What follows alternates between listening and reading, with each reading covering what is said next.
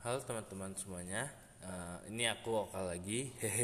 Eh, yang buat podcast kemarin tentang pentingnya seorang caregiver bagi seorang yang menyandang eh, mental issues gitu.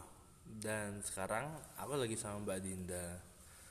Mbak Dinda ini seorang entrepreneur, udah berbisnis sejak lama. Dan aku yang pengen bahas bukan soal entrepreneurnya atau susah susah susah senangnya, tapi lebih ke arah apa dampak bagi seorang entrepreneur di pandemi ini ke mental health Mbak Dinda. Nah, sekarang bisa memperkenalkan dulu diri dulu Mbak Dinda. Halo guys, Eh, aku Dinda, golongan darah B loh. Eh, aku sekarang posisi tinggal di Bandar Lampung, kebetulan eh, berkecimpung duni- di dunia wira swasta gitu. Sekarang aku owner salah satu kedai kedai kecil lah di Bandar Lampung ini. Oh, ya, Gitu. oke. Terus gini Mbak, Em, pertanyaan paling merah ini kan, per- paling umum pasti ditanya ke semua orang yang buka kedai di pandemi ini, itu eh, kerasa nggak sih Mbak sebelum bu- sebelum pandemi sama pas lagi pandemi ini. Kerasa nggak sih? Kerasa itu gimana sih? Kan dari sosok seorang owner nih gitu kan. Itu gimana sih kerasanya itu? Apa sih dampaknya yang paling besar? Kerasa sih kerasa banget ya gitu. Kalau dampak paling besar jelas pasti ke penjualan omset kita per hari gitu. Kalau sebelum pandemi tuh mm, aku kan buka kedai juga baru ini jalan 8 bulan, baru da- jalan 8 bulan. Eh, penjualan awal waktu itu tinggi karena kan kalau kita punya produk itu marketing juga harus bagus gitu. Kebetulan waktu itu marketingku di waktu opening itu kenceng sih lumayan kenceng gitu. Iya, Jadi iya. orang-orang langsung tahu dan langsung kenal gitu. Eh, untuk penjualan sih termasuk tinggi sih buat aku waktu itu Waktu gitu. itu ya, Iya, sebelum eh, pandemi ya? Iya, dari bulan pertama sampai ketiga itu selalu melebihi target Hmm. targetku gitu per bulannya. Gitu. Terus eh, waktu itu sempat ada di Lampung juga sempat ada pembukaan kayak Ricis, terus Burger King itu kan pas aku buka kedai itu mereka pembukaan. Hmm. Nah, situ di bulan keempat sampai bulan kelima itu agak turun penjualan Oh, gitu. penjualan Karena banyak muncul tempat baru. Jadi orang tuh masyarakat Lampung tuh kepecah kan gitu. Hmm. Iya, iya, Mungkin pengen ngerasain ini, pengen ngerasain ini, jadi agak sepi. Nah, sekarang tiba-tiba datang corona ini, wah, itu dampaknya kerasa banget kerasa buat banget aku ya. Tapi aku masih bersyukur gitu, coffee shopku masih bisa buka. Beberapa kan ada yang memang benar-benar tutup sama sekali kan gitu. Kalau aku masih bisa buka. Omset sih turun eh, di dua minggu pertama itu paling turun 35% aja. 35% aja omset. Tapi habis masuk puasa itu mulai lebih kerasa lagi. Omset itu bisa turun antara 50 sampai 70 persen. Hmm. gitu. Dan nggak pasti sih tapi setiap hari kadang hari ini misalnya nggak terlalu banyak turunnya gitu omsetnya. Tapi besok bisa cuma ah paling sehari cuma bisa dapat 500 ribu kayak gitu. Iya, Mm, kerasa sih. Kerasa banget corona ini kerasa ya.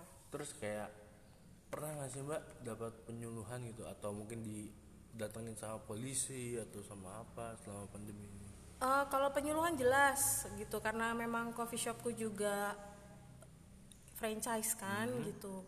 Eh, ada satu pusatnya di Jakarta yang memang ngatur seluruh cabangnya di seluruh Indonesia. Jadi penyuluhan itu jelas kayak misalnya kita harus sediain sanitizer. iya Terus baristaku harus cuci tangan. Setelah pegang uang harus cuci tangan karena kan uang tuh kan muter Iya, kita nggak tahu dipegang sama siapa aja.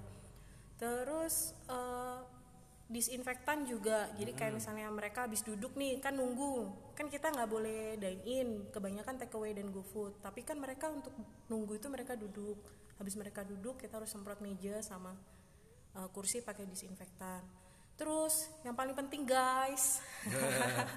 Itu barista harus pakai sarung tangan dan eh, masker. hmm. Itu pen- penting karena itu ngejaga uh, hubungan kita dengan konsumen juga. Konsumen juga biar ngerasa aman nyaman untuk tetap beli produk kita. Gitu sih Oh berarti tuh kayak ibaratnya kayak kiat-kiatnya ya kalau mau buka kedai di pandemi ini gitu kan. Iya. Soalnya nggak mungkin toh kalau kita tutup total kita udah makan dari mana? Iya, heeh. situ. jadi kalau tadi nanya soal penyuluhan ya penyuluhannya dari pusat itu ke kita. Jadi kita juga sharing ke masyarakat untuk kalau datang ke kedai kita juga usahakan pakai masker gitu. Aku sempat waktu itu bikin promo, aku bagi-bagi grat- masker, Masker gratis. gratis. Ha-ha, Wah gitu. keren sekali, keren sekali.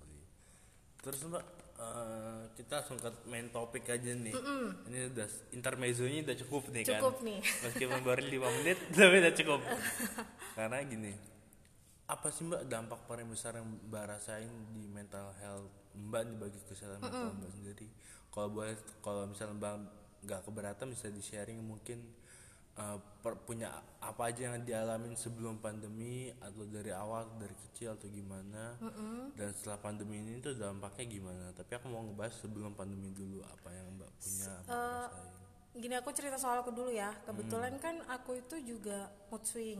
Mm-mm. kemudian aku juga ada anxiety disorder gitu jadi cara aku untuk mengatasi itu tuh biasanya aku olahraga aku suka olahraga dengerin musik gitu. Atau aku mencari kegiatan yang banyak gitu full gitu. Jadi ketika itu kambuh eh, energiku kan habis ke aku berkegiatan itu. Jadi malam aku bisa tidur gitu. Kalau sebelum pandemi sih biasanya aku kayak gitu. Nah setelah pandemi ini mau nggak mau karena kedai nggak terlalu rame aku jarang berinteraksi sama konsumen juga kemudian badanku aku ngerasanya juga jarang gerak gitu. Eh, kepala juga jarang otak tuh jarang dipakai untuk berpikir gitu kayaknya. Jadi kayaknya itu nguras apa ya mood aku ya mood aku cepet naik cepet turun gitu. Kemudian ada rasa cemas juga. Jelas kalau rasa cemas tuh tinggi karena gini aku mikirnya aduh eh, aku nggak ngeliburin karyawan. Karena aku nggak mau mereka nggak ada penghasilan gitu kan karena aku liburin mau nggak mau aku tetap buka. Tapi kan karena penghasilan omset aku turun mau nggak mau kan aku berpikir kan Iya, iya. ada rasa cemas gitu. Duh gue bisa gaji anak-anak nggak ya gitu.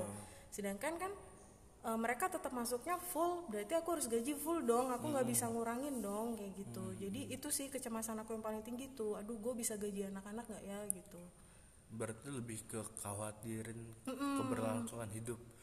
Orang yang ya orang yang bekerja di Iya. tempat aku. Karena aku merasa bertanggung jawab gitu kan. Mereka kan juga eh, nginiin apa mengandalkan uang dan penghasilan kan Bener, dari di mana mereka bekerja Bener, kan bener gitu. gitu sih. Terus kalau kalau dari mbaknya sendiri kayak ngerasa nggak? Misalnya swingnya malah tambah parah atau tiba-tiba nggak bisa tidur atau overthinkingnya terlalu ke mana-mana kayak, waduh hari ini kalau aku nggak dapet nggak ada pelanggan gimana ya? Atau kalau misalnya sampai ngaruh ke mood ya misalnya tiba-tiba ah nggak mau jualan apa aku tutup aja? Pernah nggak sih mbak kepikiran sampai kayak gitu? Pernah pernah sempet. Aku nggak kayak ngerasa aduh kalau hari ini misalnya penghasilan cuma misalnya cuma 300 ribu gitu ya. Untuk apa? Gitu kan. Belum keluar uang listrik listrik tetap jalan. Apa nggak tutup aja gitu. Cuman lagi-lagi setiap aku nanya ke anak-anak udahlah kita tutup aja. Mereka selalu bilang janganlah mbak kita juga ngapain di rumah gitu. Rasa itu tuh membuat aku jadi tenang gitu loh. Aku ngerasa oh, gue ini ada fungsinya juga ya buat Oh, orang iya, iya, lain iya, kayak iya, gitu. iya, iya. tapi kalau dalam keseharian itu sangat mempengaruhi mood. Apalagi kalau mood swing aku lagi kambuh gitu. Hmm. sangat sangat mempengaruhi. Gitu. Aku jadi cepat emosian. Terus eh, mau nggak mau kena ke lingkungan sekitar aku kayak orang tua karyawan juga gitu. Buat kesalahan kecil aja kayaknya aku udah bad moodnya tuh udah kayak apa gitu. Sampai mereka kadang kan kalau aku tegur sedikit tuh mereka juga udah ngerasa takut gitu kan gitu. Terus eh, susah tidur tuh jelas gitu. Terus kayak ngerasa apa ya? Kalau kalau aku sih mood swingnya tuh gimana ya? Kayak kayak pengen mikir pengen kerja tapi nggak tahu apa yang dipikirin nggak tahu apa yang harus dikerjain gitu. Jadi kayak gelisah gelisah terus bawaannya gitu.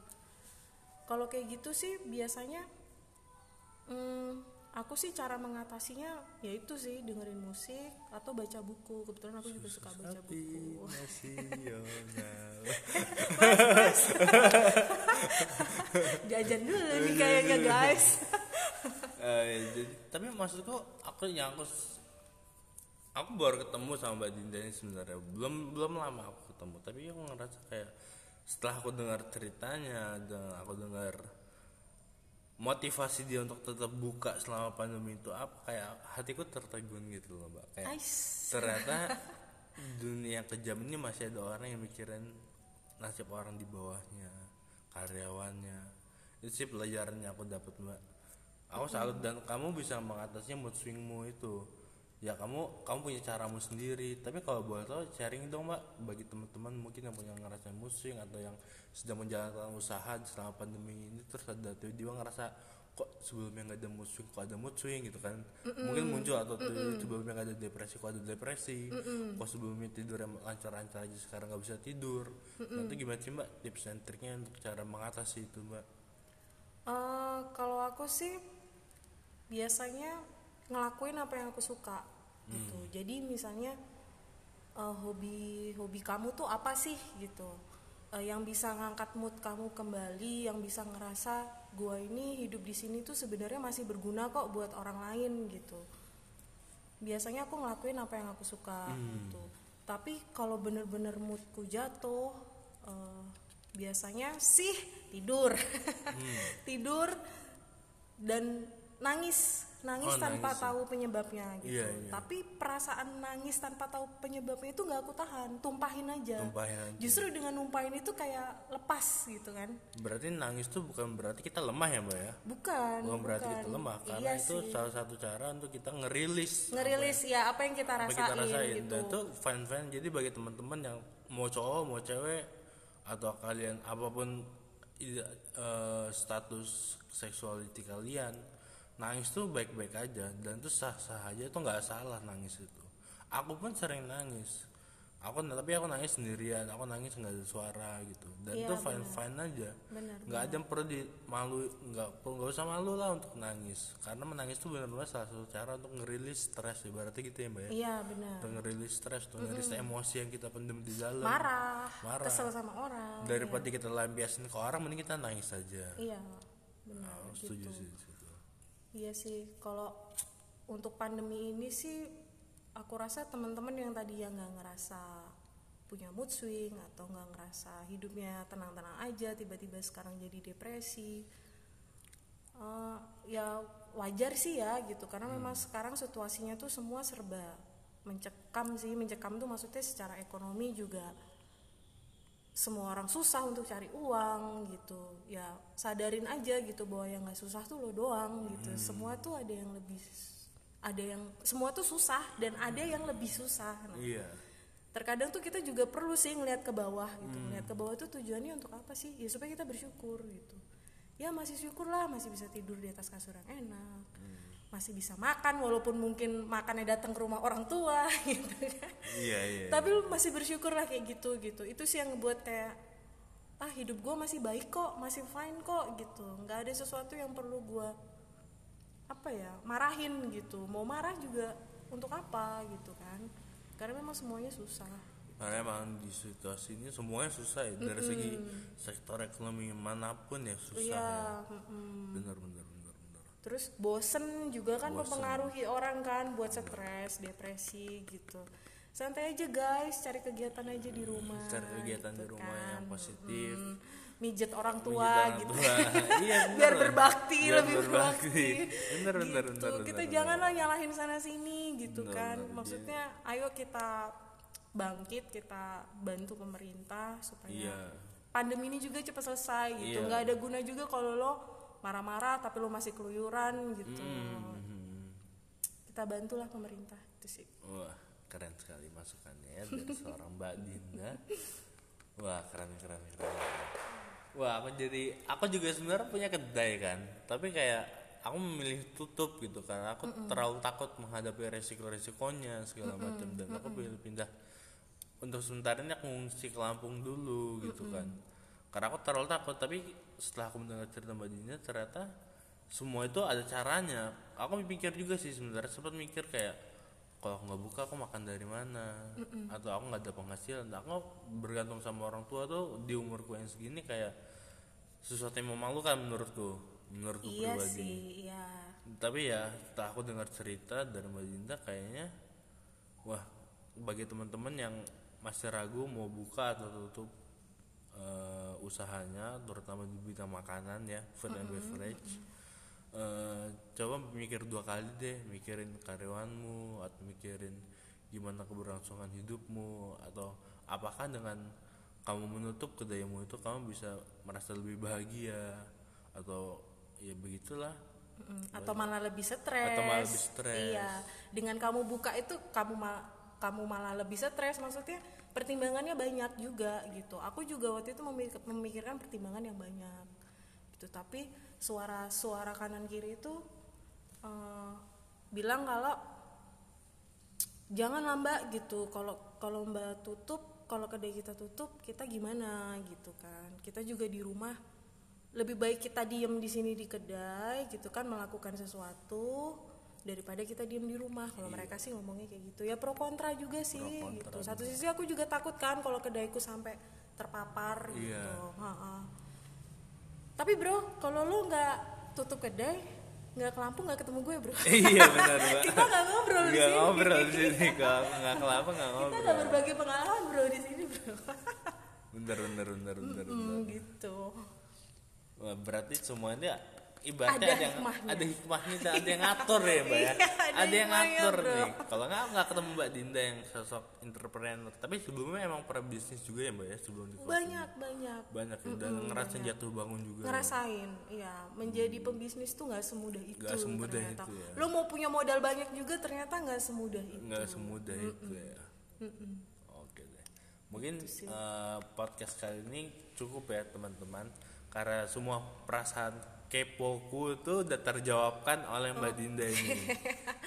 Jadi sekali lagi terima kasih untuk Mbak Dinda yang udah mau hadir di podcast kali ini. Thank you juga kak. Dan bagi teman-teman tetap semangat melawan pandemi ini. Kita harus mendukung pemerintah apa pun kebijakannya.